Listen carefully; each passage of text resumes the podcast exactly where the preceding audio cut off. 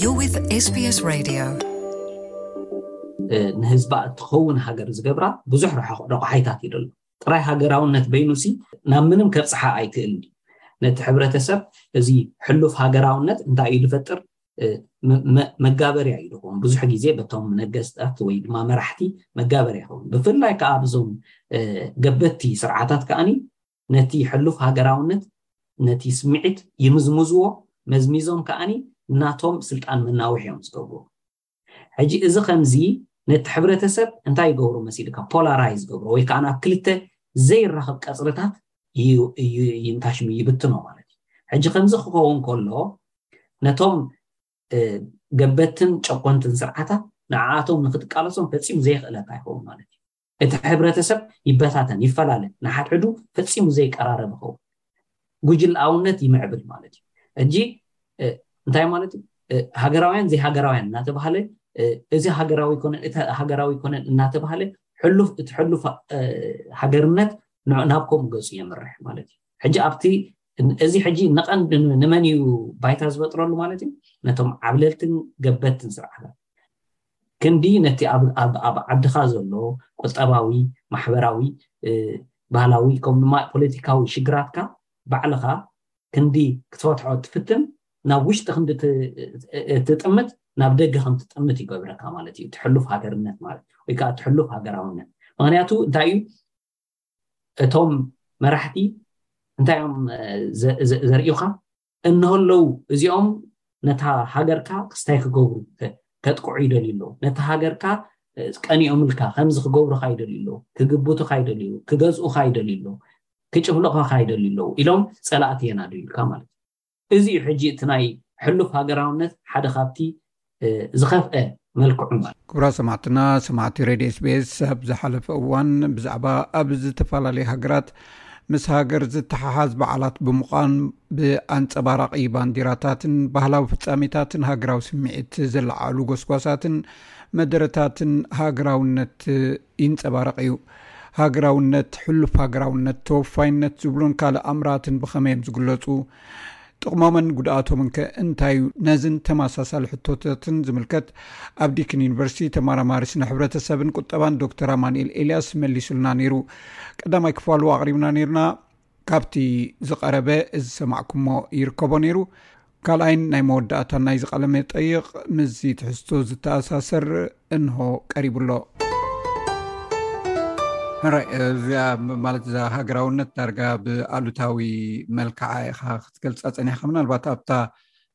ፍሉይ ትብል እውን ትኸውን ፓትሪዮቲዝም ዝበሃል ወይከዓ ተወፋይነት ዝበሃል ከምቲ ኣብዳወልደማርያም እውን ዝብልዎ ፍቕሪ መጀመርያ ንኣምላኽካ ድሕሪኡ ንስድራኻ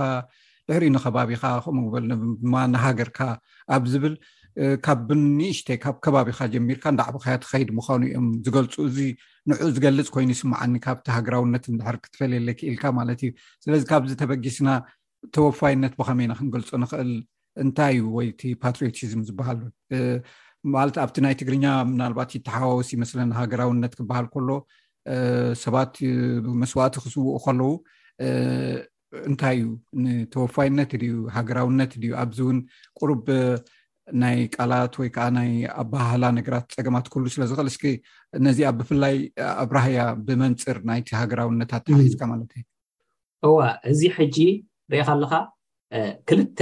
ዝተፈላለየ ባይታ እዩ ዘበግሶ ነዚ ሃገራውነት እንብሎ ዘለና ናሽናሊዝምን ነቲ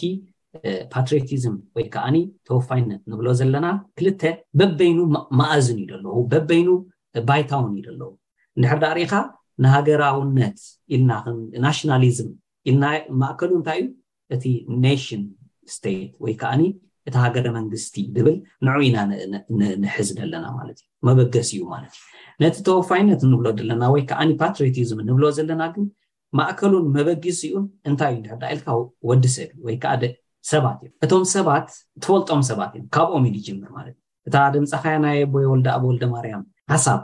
ናይ ብዛዕባ ፍቕሪ ፍቕሪ ሃገር ኢሎም እንድዮም ውሰም እውን ዝዛረቡ ግን እንታይ እያ እንድሕር ዳኣ ርኢኻያ እታ ዝብልዋ ዝነበሩ ካብ ናብ ሃገርነት ናብ ካብ ናብ ሃገራውነት ናብ ፓትሪዮቲዝም ኣቢላ ትዘዙ ኢላ ሓስብ ኣነ ብወገነይ ሕጂ እታ ፓትሪዮቲዝም ወይ ከዓ ተወፋይነት ዝብላ ዘለኹ እንታይ እያ ንዓይ ከም ትርዳኣኒ ማለት እዩ ካብ እቶም ትፈልጦም ሰባት እዩ ትብገስ ኮርስ ኣበይ ወልዳብ ክገልፅዎ ከለዉ ፍቅሪ ንኣምላኽ መጀመርያ ደሓር ካብኡ ቀፂሉ ፍቅሪ ንስድራኻ ነቶም መቅርብካ ስድራኻ እቶም ትፈልጦም ምስኦም ትበልዕ ትሰቲ ካብኡ ቀፂሉ ፍቅሪ ነቶም ጎረቤትካ ብቀረባ ምስኦም እትጋወር መዓልታዊ ምስኦም እትጋወር ካብኡ ቀፂሉ ፍቅሪ ንደቂ ዓድኻ እንዳበሉ ከምኡ እንዳበሉ መሳለል ይገብሩ ሕጂ እንታይ እዩ ማለት እንታይ እዩ ደርእየካ እዚ እንድሕር ደኣ ኢልካ ንስኻስ ቅድም ነቲ ትፈልጦ ኢኻ ክትውፈየሉ እትኽእል ክትሓልየሉ እትኽእል ከተፍቅሮ እትኽእል ሲ ቅድም ነቲ እትፈልጦ ሰብ እዩ ነቲ ትፈልጦ እዩ ካብኡ እዩ ዝጅምር ነቲ ትፈልጦ እንድሕር ደኣ ተፍቅሮ ኮንካ ናብቲ እንዳ ዓበየ ክኸይድ ይኽእል እቲ እቲ ፍቅሪ ንብሎ ዘለና ወይ ድማ እቲ ተወፋይነት ንብሎ ዘለና እናዓበየ ክኸይድ ይኽእል ክሰፍሕ ይኽእል እቲ ዶቡ እንዳሰፍሐ እንዳሰፍሐ እንዳሰፍሐ ክኸይድ ይኽእል ከምኡ ኢሉ ክላሲካሊ እንዳማዕበለ ዝኸይድ ተወፋይነት ወይ ድማ ፍቕሪ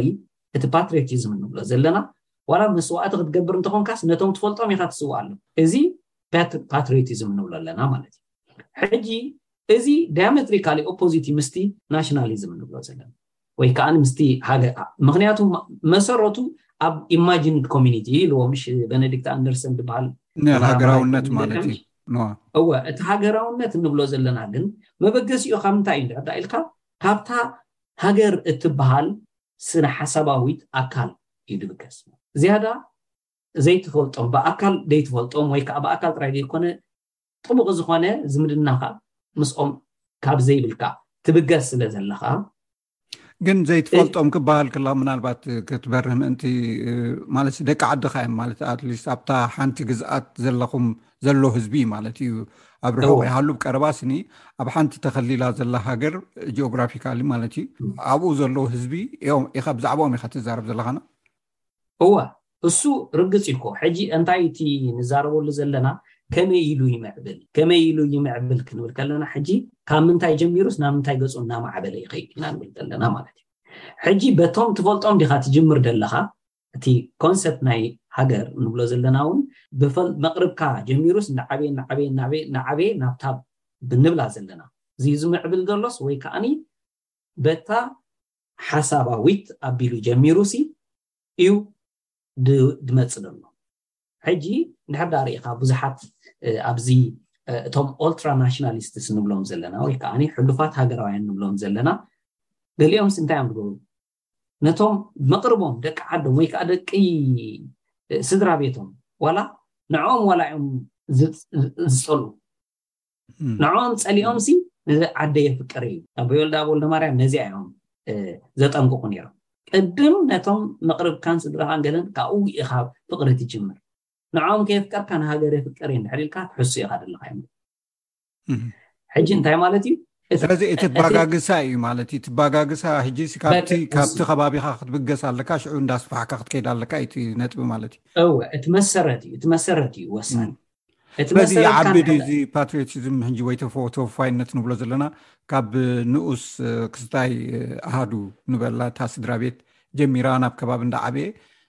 ድሓር እውን ናብ ሃገር ካብኡ ሓሊፉ ናብቲ ዞባካ ከምኡ እንዳበለ ናብ ዓለም ክዓቢ ይኽእል እዩ ማለት እዩ ናብ ሃገራውነት እውን ክኸይድ ይኽእል እዩ ማለት እዩ እቲ ተወፋይነት ሰብ እዩ ትማእከሉ ሰብ እዩ እቲ ማእከሉ ሕጂ እንድሕር ደኣ ሪኢኻስ ሂሮስ ክብልዎም እንሰምዖም ሰባትሲ ወይ ከኣ ፓትሪዮት ገለ እንብሎም ዘለናሲ እንታይ ዓይነት እዮም መሲልካ ወገንነት ኣይኮነን ቀንዲ ናቶም መበገሲ እንታይ ደኣ እቲ ሰብ እዩ ናቶም ማእከል ሰብ እቲ ትፈልጦ ሰብ እዩ ማእከሉ ማለት እዩ ሕጂ ንሰባት ኢልካ ኢኻ እቲ ተወፋይነት ንብሎ ዘለና ሰብኣዊ መሰል የገድሶ እዩ ማለት ቀንዲ ቁም ነገሩ እውን ንሰባት ምሕላይ እዩ ኣብቲ ኦልትራናሽናሊስትስ እንድሕር ሪኢኻዮም ግና ሰብኣውነት ከማን ኣየገድሶም ምክንያቱስ እንታይ እዩ ንዖም ደገድሶም እታ ኢማጂንድ ኤንቲቲ እያ እታ ሓሳባዊት ስነ ሓሳባዊት ኣካል እያ ተገድሶም ማለት ሕጂ እቲ እቲ ሓደጋ ናይ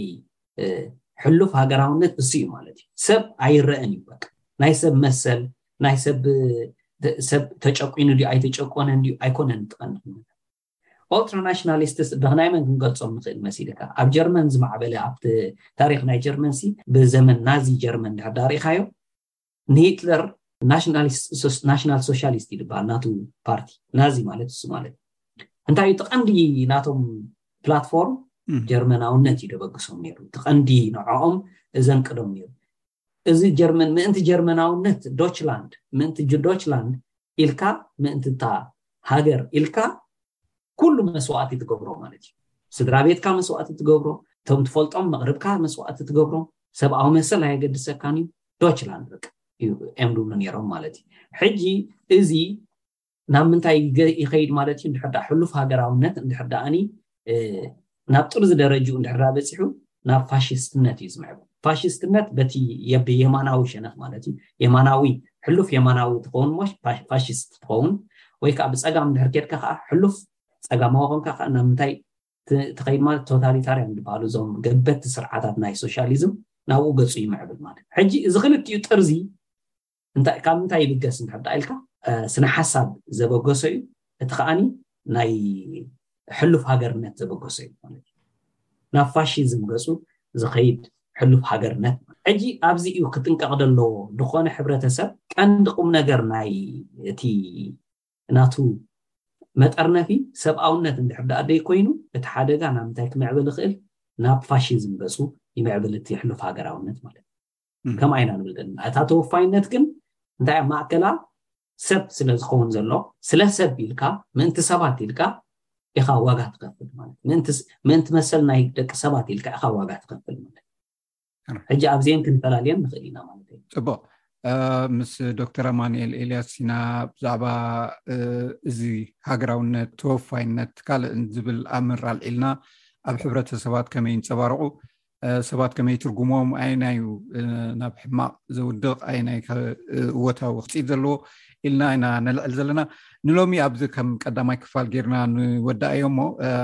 እተን ኣልዒልካን ዘለካ ሕሉፍነት ንብላ ብናብቲ ሓደ ወገን ናብ ፀየማን ናብቲ ሓደ ከዓ ናብ ፀጋም ወይ ፋሽስትነት ን ካልእን ዝብል እውን እዜን እውን ፍሉይ ብፍሉይ ኣልዒልና ከነዕልለንን ኣብ ቀፃሊ ሎሚ ግን ሓፈሻዊ ተኣምር ስለዝሃብካና የመስግነካ ምናልባት መጣቃለሊ ክልተ ዳ ነዘን ክንብለን ዝፀናሕና ንድሕር ኣለካ ክዕድል ክበካ እየ እንተዘይኮይኑ ግን እቲኤን እውን ዓቢ ዓብይ ኣርእስቲ ስለዝኮና ኣብ መፃኢ ክንዛረበለን እዋ በየነ ጽቡቅ ጌርና ገሊጽናዮ ክንከውን ተስፋ ገብር ግን እንታይ እዩ ዝያዳ ከነድህበላ ዘለና እቲ ትኹረት ሲ መን እዩ ዝወስድ ዘሎ ዝብል ኣዝየ ክጽቐጠላ ይደሊ ማለት እዩ ኣብቲ ሕሉፍ ሃገራውነት ዝበሃል እቲ ማእከል ኣይናይ እዩ እንድሕዳ ኢልና እቲ ብሓሳባዊ መኣዝን ዝቆመ ኣካል ማለት እዩ እታ ሓሳባዊት ኣካል ኢና ነድህበላ ቀንዲ ማለት እዩ ኣብኡ ንሰብ ምንም ግዲ ከይወሃቦ ይኽእል እታ ተወፋይነት ኢልናያ ዘለና ምናልባት ፓትሪዮቲዝም ትበሃል ግን